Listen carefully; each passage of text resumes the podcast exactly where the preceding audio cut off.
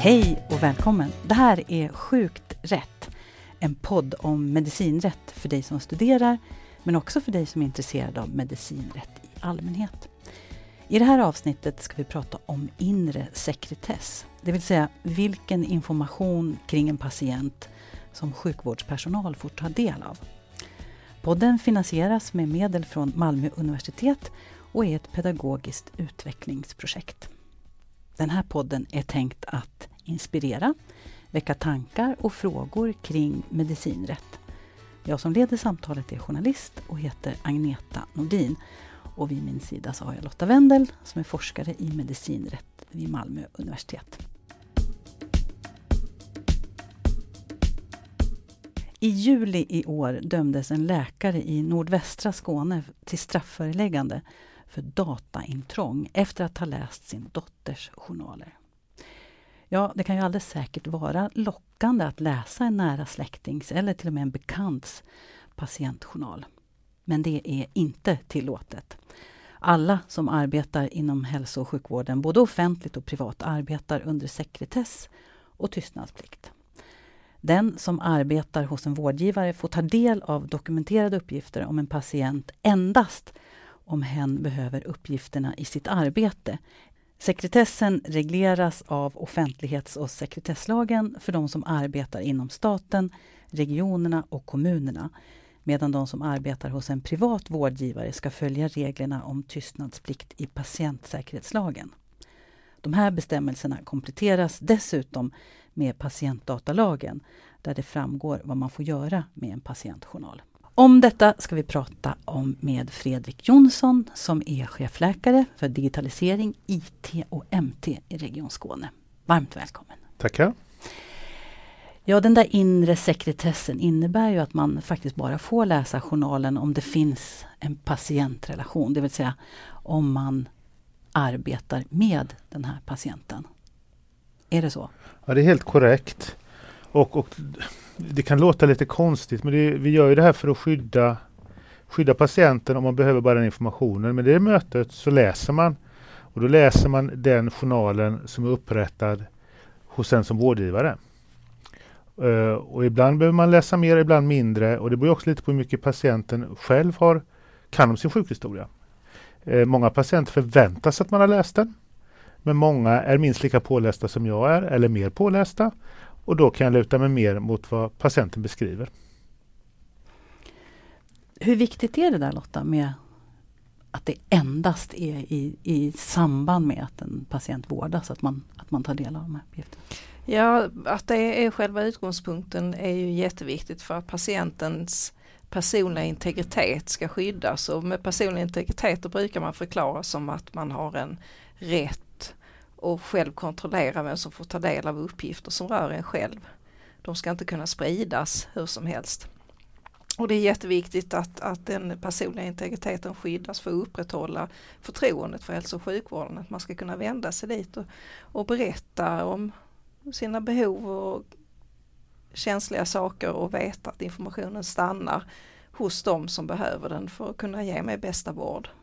Men om Fredrik här då har en patient framför sig och han vet att i den här journalen så finns det uppgifter som faktiskt skulle kunna gynna patienten i, i vidare vård. Då, då, får inte du ta, då får inte du läsa vidare eller hur fungerar det? Där? Jo, om jag har patienten framför mig så kan jag fråga patienten. Jag ser att du har en journal från, om jag har tillgång till den beroende på hur datasystemen är byggda, från en annan vårdgivare. Eh, eh är det okej okay att jag går in och läser den? Och då i de flesta system registreras då att jag är inne där och läser. Men då anger jag också att jag fått ett samtycke av patienten. Det här är okej okay att gå in och läsa. Och då ofta har man till och med kommit överens om patienten vad man ska läsa. Du beskrev det här, det hände någon gång 2021. Och då kanske jag behöver veta mer detaljer och då går jag in och bara läser det. För det, är ju det eleganta med datajournaler är ju att allting, man lämnar ju spår efter sig överallt. Så man kan inte fara runt i journalen och ska inte. För precis som nämndes så är det extremt viktigt att vi upprätthåller förtroendet för sjukvården. Hela mitt arbete bygger på att man berättar som det är. Och att jag kan få skriva ner det jag behöver ha för att fortsätta kunna ta hand om patienten. Men säg att patienten då faktiskt inte är vid medvetande då? Om jag ska berätta hur vi gör i verkligheten så får man ju på något sätt göra en, en bedömning hur, hur allvarligt är det? Vad är det för patient? Vad vet jag hittills? Jag kanske fått med mig om den kommer hemifrån, kanske någon annan har skickat med en stor medicinpåse. När jag tittar i den kan jag ana att den här personen är allvarligt sjuk. Då, eh, då kan jag uppropa nödrätt och gå in och läsa för att jag behöver ta hand om den här patienten. Men det måste man också värdera. Bara för att patienten är medvetslös så är inte det, kan inte jag bara rasa rakt in i en journal. Är, är det anhöriga med en 20-åring, föräldrarna med sig fullt frisk, aldrig varit sjuk innan, ingenting. Och jag ser ändå att det finns något i journalen. Då får jag börja med det jag har, patienten mm. framför mig. Mm. Det kan ju vara så också att vårdgivaren själv har delat in journalen i olika delar med olika spärrar till exempel de, den dokumentationen som finns inom psykiatrin har, måste man forcera ytterligare en spärr för att komma in i den och då måste man ju göra en värdering om man verkligen behöver den informationen som finns där eh, för att man ska kunna är det bara psykiatrins journaler som ser ut så? Ja, vårdgivare gör på lite olika sätt. En del har väl också eh, gynekologi med ja. en särskild gynekologi och eh, framförallt eh, om man har sökt på venhälsa eller motsvarande, alltså sökt för könssjukdom. Eh, psykiatrin, inte all men en del, en del av hela psykiatrin. En del har också för hiv-patienter. Det är nog en rest från den tiden det var väldigt eh, stigmatiserat och hiv, det är det nog inte för idag. Men det lever kvar hos de flesta vårdgivare. Mm. mm. Så vårdgivaren är ju skyldig att konstruera systemet så att högsta möjliga personlig integritet upprätthålls men vårdgivarna gör på lite olika sätt. Mm.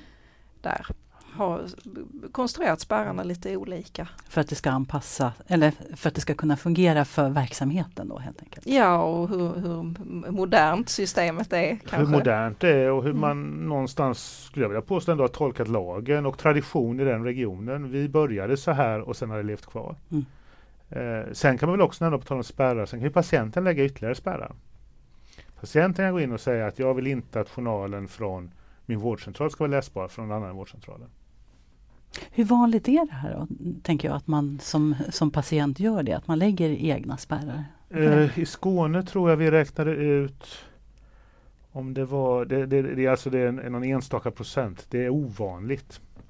Men då rör det sig ofta om att man inte har förstått att den delen av journalen redan är spärrad. Ska vi bara klargöra exakt vad det är du som läkare och vårdpersonal får läsa i en, i en journal? Eh, jag får läsa allting som berör patienten och som i systemet är öppet för mig. Sen kan det finnas andra lager, men då blir jag alltid varnad innan. Om jag får frågan, har du rätt? Har du ett samtycke från patienten? Och då kan jag kliva vidare. Så är det så att när du öppnar en journal då blinkar det till små lampor då som säger ja. att ops, ops, här. här får du inte komma vidare okay. om du inte har ett samtycke. Mm. Och det, det vi har pratat om hittills är ju när man använder journalen i det direkta patientarbetet. Men sen så står det ju också i lagen att man får använda den om man annars behöver den för sitt arbete. Och vad och betyder mitt, det ja, annars då? Ja, mitt intryck är att, att den, den är nästan lite klurigare, klurigare att tolka vad är det Eh, men jag brukar säga som en grundläggande grej att man kan inte bestämma själv om man annars behöver den i sitt arbete. För den är till för personer som jobbar med kvalitetssäkring till exempel och som har en, en tjänst som innebär att man ska göra statistik över patientbesök eller så. Eller personer som har fått ett konkret uppdrag för verksamhetschefen eller någon annan att plocka fram patientfall av ett visst slag. Mm. Men man kan inte själv bestämma att nu behöver jag vidare, nu behöver jag läsa på om den här diagnosen eller nu behöver jag ta reda på mer och så går man in i journaler av den anledningen. Utan om man ska använda sig av det här annat skäl så måste det finnas i ens eh, yrkesbeskrivning eller i ett konkret uppdrag där man har vårdgivarens eh, vårdgivarens önskemål och arbeta på det viset. Mm. Mm. Hur är det här och rent kliniskt liksom i, i, i vardagsarbetet? Eh, när det gäller den här delen med att läsa journalen så har jag inte rätt. Om jag till exempel träffar patienter på akutmottagning och den läggs in på en vårdavdelning som innehåller till exempel, jag är på akuten, den ligger på en kirurgavdelning. Då, om det tillhör ett annat verksamhetsområde, då har man inte rätt att gå in och läsa där. Och det, det, får man inte göra. Det här ställer ju till det ibland, för ibland kan man ju undra, gjorde jag rätt? Gjorde jag rätt bedömning? För det finns ju ett lärande i det här och det är vi också enligt hälso och sjukvårdslagen skyldiga att ha ett lärande. Och det här är jättekomplicerat. Eh, de flesta brukar ha en, en skriftlig överenskommelse med sina medarbetare att, att vi, för att följa upp kvaliteten så får du läsa en dag bakåt för att se att du inte har gjort bort dig på något sätt. För det har man sagt att det är ett kvalitetsuppföljning, men du får inte läsa längre bak. Sen har man alltid speciella... Det, det, ja. det, det, du beskriver gäller inom Region Skåne nu? Ja, och det, och det är, ja. och det är olika mm. olika delar av regionen. Det kan jag säga, mm. detta är inte generellt, utan detta är verksamhetschefer. Jag vet att det förekommer. Vissa verksamhetschefer mm. har valt att lösa det så här. Mm. För att man har känt att nej, jag kan inte ta ansvar för verksamheten om inte mina medarbetare kan säkerställa att åtminstone dygnet efter blev rätt. Mm. Så man inte missar något. Där. För är det, det korrekt att göra så då som verksamhetschef, att bestämma att, till, som Fredrik säger nu? Ja det är en av verksamhetschefens uppdrag att bestämma hur patientdatalagen ska tolkas på just eh, hans eller hennes verksamhetsområde. Mm. Mm. Men om säg att jag är patient hos dig eh, och jag ger medgivande, jag, jag säger, det, det är okej. Du får läsa, du får ta del av. Eh, räcker det då? Ja men om du, ja, men om, du har, om jag har träffat dig för, två, för en vecka sedan. Mm. Jag kan inte då inhämta, är det okej okay att jag fortsätter läsa din journal de närmsta 14 dagarna? Så kan vi inte inhämta det. Eh, för det första kan vi inte dokumentera det någonstans. Och för det andra så, så är det en väldigt konstig situation för du har ett, ett tydligt maktövertag som vårdgivare, som läkare om jag skulle göra det. Där det blir svårt för de flesta patienter att säga nej, det får du inte göra. Mm. Och dessutom så är det ju inte något samtycke man kan lämna med öppna ögon för man Nej. vet ju inte vad som kommer hända de här Nej. två veckorna, vilken slags information det är som man lämnar sitt samtycke till och, och, och skickar vidare. Mm. Så det, nej, eh, Patientdatalagen reglerar ju rätt så noggrant under vilka förhållanden man får lov att använda journalen och ett samtycke i sig kan inte ta bort de här, man måste ändå ha någon av de andra grunderna. För man håller sig i den eh, mm. lagstiftningen hela mm. tiden. Det var en, en eh, uppmärksammad debatt i Läkartidningen. Eh, läkaren Christian Unge, han gick in och läste sin pappas journaler med pappans medgivande och hotade sen med polisanmälan. Vad tänker vad tänker juristen och vad tänker läkaren om det? Ska vi börja med Fredrik? jag, jag tycker inte man ska göra det.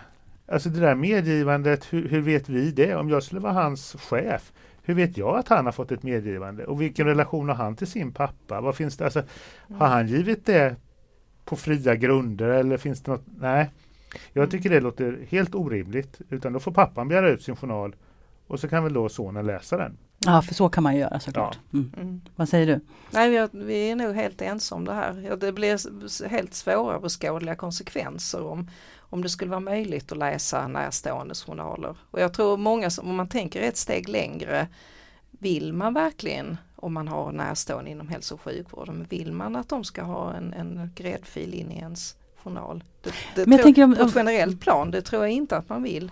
Och sen precis som du säger så kan, vet man ju inte om patienten har varit utsatt för påtryckningar från någon närstående eller eh, är i något annat maktförhållande som spelas ut på det viset. Ja, vad ska vi dra mm. gränsen? Om grannen frågar mig, kan du gå in och läsa min journal och ge en, en, en synpunkter på om de har gjort rätt? Mm. Alltså det blir jättekonstigt. Mm. Jag, jag, vi skulle få ett, nej, fy sjutton. Inte rättssäkert. Nej, och dessutom så finns ju journalen på 11, i Sverige på 1177. Så pappan kan lätt logga in med sitt bank-id och så kan sonen sitta och läsa dagarna ända och mm. diskutera det med sin pappa. För antagligen handlar det väl om att man vill förklara någonting. Ja. Mm. Det finns ju ofta ett gott syfte men, men, det kommer alltid finnas de som inte har ett gott syfte och då blir det problematiskt. Mm. Och det är de vi ska skydda oss från då. Mm. Mm. Du lyssnar på Sjukt rätt, podden om medicinrätt. I det här avsnittet om inre sekretess och gäst är Fredrik Jonsson som är chefläkare digitalisering, IT och MT i Region Skåne. Fredrik, då undrar jag, hur vanligt är det att sjukvårdspersonal går in och, och läser eh, för mycket? Det är ovanligt. Eh, jag tycker medvetenheten är väldigt hög, extremt hög. När det sker är det ofta att man inte tänkt sig för. Jag, man har läst sin egen journal, för den får jag läsa på 1177. Ja, men jag så, får inte, du får jag inte får inte läsa, för det är regionens arbetsmaterial, så jag får inte gå in och läsa den där och det där är lite svårt att förstå. Men så har regionen valt det för att det inte ska vara någon diskussion runt det. Men är det specifikt för Region Skåne eller är det? Nej, det, det, det är, det är mitt intryck att det är så överallt. Okay. Mm. Ja. var ju klokt. Mm. Eh, så att nej, jag tycker det finns en hög medvetenhet. Sen finns det ju alltid enstaka fall i alla organisationer där man läser exceptional av pur nyfikenhet eller man läser för det har varit ett spektakulärt fall, spektakulär våldsbrott, eh, spektakulärt på ett annat sätt. Ja, en kändis som kommer Eller kändis ska vi inte prata om. Mm.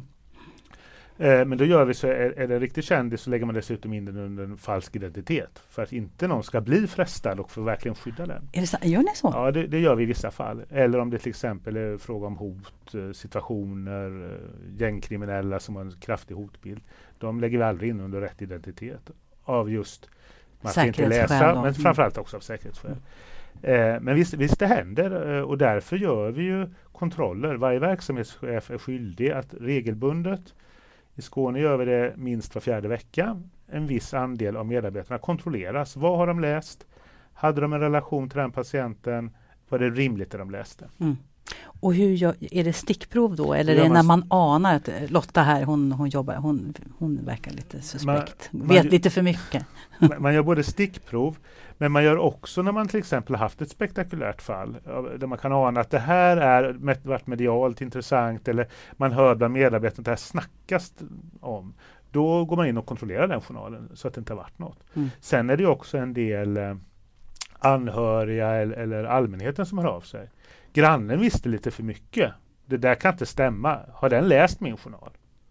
Och då kan vi gå in och kontrollera mm. det. Vilka är de vanligaste att man eh, går in och kollar? Då? Förutom, jag kan ju tänka kändisar, men vilka är det annars? Kändisar är nog minst vanligt för det är så ja. otroligt uppmärksammat efter Anna Lind för det var ju väldigt mycket skriverier för då var det ju rätt många som var inne i hennes journal.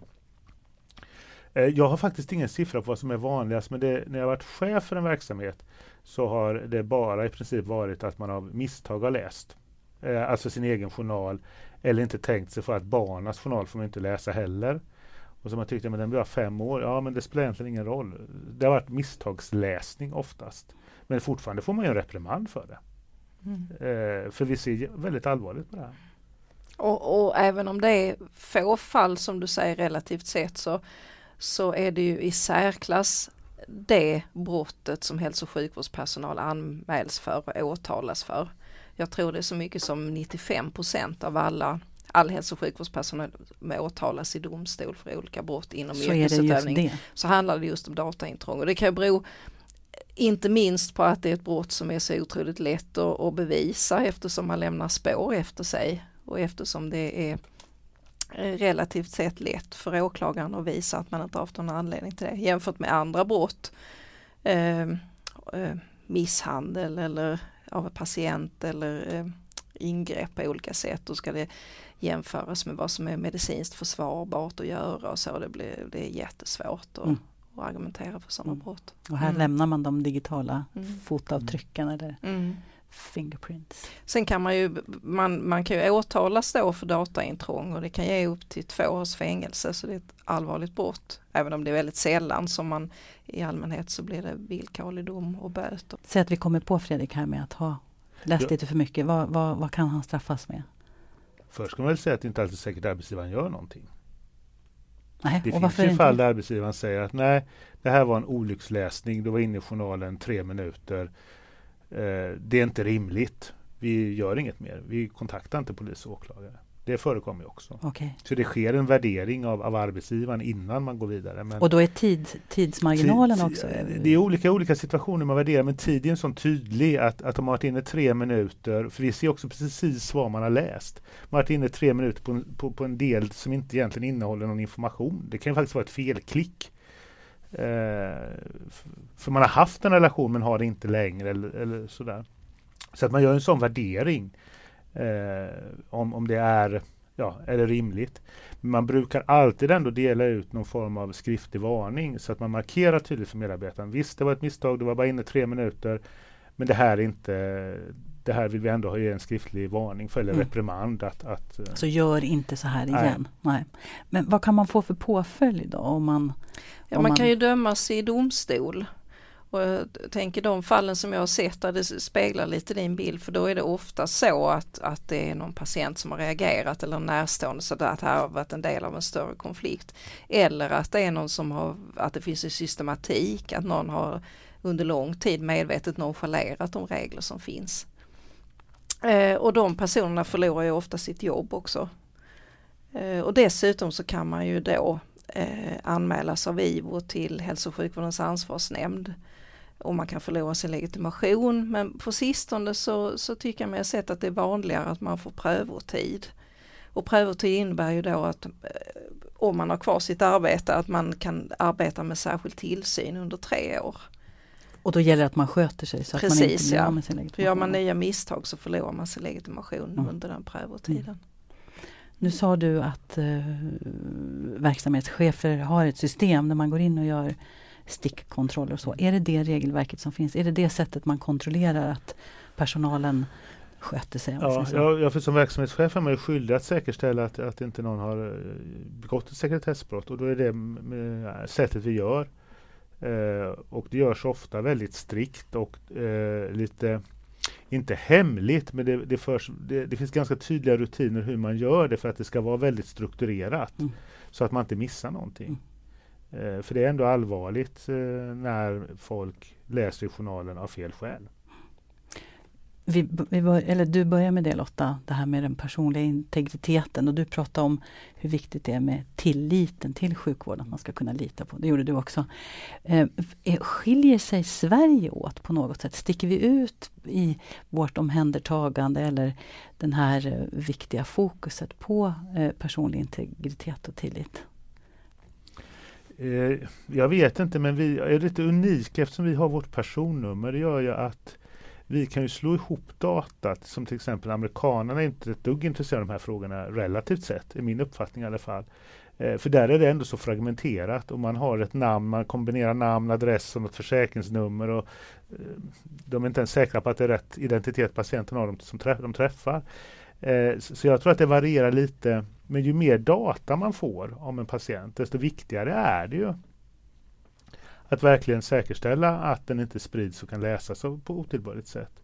Så, så jag tror att Sverige är rätt långt fram och vi är också rätt långt framme när det gäller digitalisering. För det här, eh, det var ju, när man har pappersjournalen, det här, eh, visst man kan gå ner och sätta sig i arkivet, men det, det är ändå ett låst rum där vem, inte vem som helst har nyckel. Eh, men till exempel London, ett av Londons största sjukhus, fick eh, digital journal för, för fem och ett halvt år sedan. Så de har inte heller riktigt fått den mognaden i det här resonemanget, för de är inte vana vid att ha all data så tillgängligt. Mm. Ja, just det, och det är tillgängligheten också som Ja. ungefär som tillfället gör tjuven. Att man kan av misstag eller medvetet trilla in i någonting Ja. som är lätt tillgängligt. Vad tänker du Lotta? Har du någon? Nej, jag, eh, det du säger att vi är långt framme med digitaliseringen och det hänger ju också ihop med att vi har haft ett välfärdssamhälle och stora vårdgivare och arbetat ett tag med att slå ihop och digitala system till större enheter. Det gör ju också att intresset är stort eh, från forskare, från läkemedelsindustrin och så för att använda journalerna. Eh, och de här tredjepartsintressena, det pågår ett stort arbete inom EU där man försöker tillgodose det på olika sätt. Eh, Och då är intresset större för de databaserna som har så mycket information som finns här Ja, jämfört tänker- med länder där, där systemet är mer fragmenterat. Det är inte lika lätt att rodda i det. Men och i fel händer då så skulle det kunna ta en ände med förskräckelse Mm. om alla de här uppgifterna kokade ner Mm. till, till någonting. Så det är ju ett jättesvårt, eh, för, för, för det här är ju legitima intressen av att använda informationen för forskning men samtidigt måste man ju tillgodose integriteten. Eh, och hur man balanserar det har man nog inte riktigt hittat det. Nej, och det, det finns också en svårighet som vi brottas lite med när vi bygger ett nytt journalsystem nu. För att samtidigt är det frustrerande att veta att all information finns där. Patienten tror att jag ser allting. Men jag ser inte allting och då kan jag ta ett felbeslut.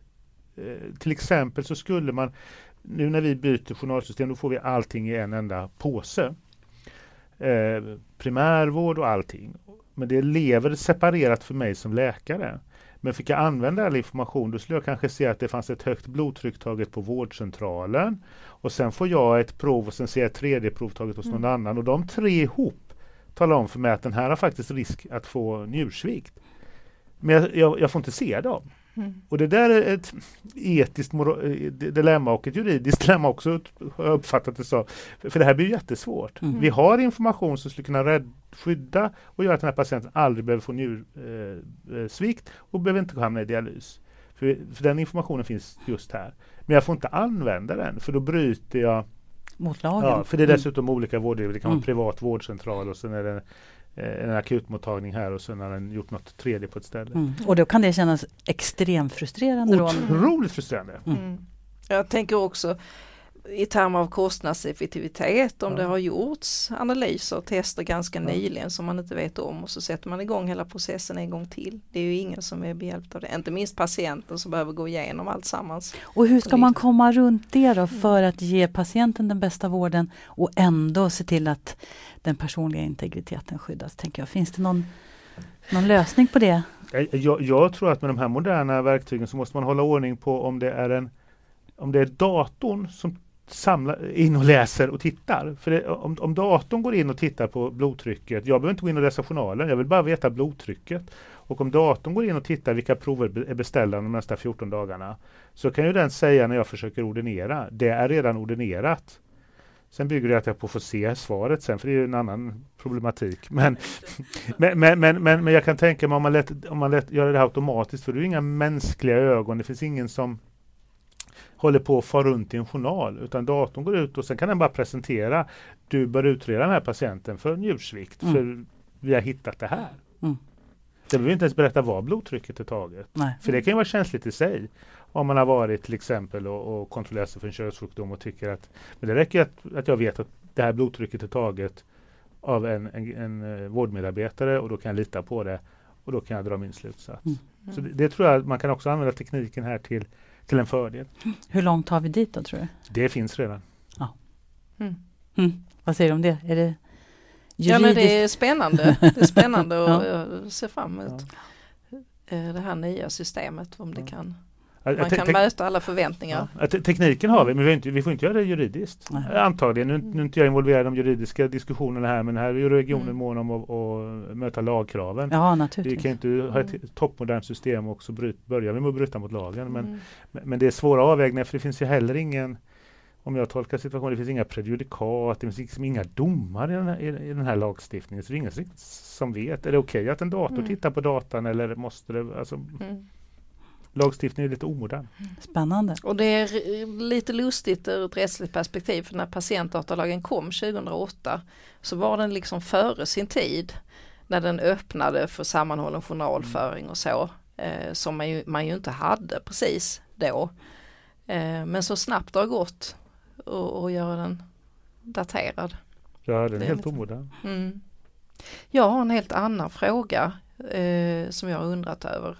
Patienter har ju rätt att begära ut eh, loggutdrag över vilka som har varit inne i deras journaler. Mm. Hur, hur, vanligt är det att patienter gör det och vad är det de får ut då egentligen? Kan de se vilka de kan se läkare precis, och sjuksköterskor ja, som varit? De, de, får ut precis allt. Eh, det är långa listor med, med eh, identiteter, klockslag och vad de har varit och läst. Men är, loggarna är eh, alltså loggar ur journalen då? Alltså hur, vem det är som har varit inne och tittat? Ja, det är det ja. Okej, då förstår jag. På 1177 för Region Skåne så finns det en knapp, man kan begära det direkt ja. där. Man behöver inte vända sig på, på telefon Nej, eller så. vi har centraliserat all sån mm. funktion för det är egentligen bara en utskrift som behöver göras. Mm. Och, och, där, där får vi en del anmälningar när man just känner igen, vänta lite, de där har jag aldrig träffat. Mm. Det var visst mm. grannen och grannen var inte på den vårdavdelningen där jag var. Mm. Men hur vanligt är det? Det, det vet jag faktiskt inte men det, det förekommer men jag kan inte säga hur vanligt det är. Hörni, jag tänker att vi drar ett streck. Har du någon eh, övrig reflektion eller tanke till? Det som jag sa innan så är jag jättespänd på det här med det, det nya digitala systemet. Men när, när, kan man förvänta sig att det vi, vi håller på, vi har just nu en flyttande tidplan. Uh, vi vet inte exakt när för vi behöver utreda en del av den här juridiska delarna så vi vet och göra analyser, riskanalyser. Vad, liksom, vad är vi för läge? Mm. Och det pågår för fullt men vi hoppas under hösten kunna sätta en, en fast tidplan. Mm. Mm. Då säger vi så hörni. Ja. Tack Fredrik Jonsson och tack Lotta Wendel. Sjukt rätt produceras med medel från Malmö universitet för pedagogisk utveckling och kollaborativt lärande. Det är produktionsbolaget Lokat Media som producerar och jag som leder samtalen är journalist och heter Agneta Nordin. Vi hörs snart igen.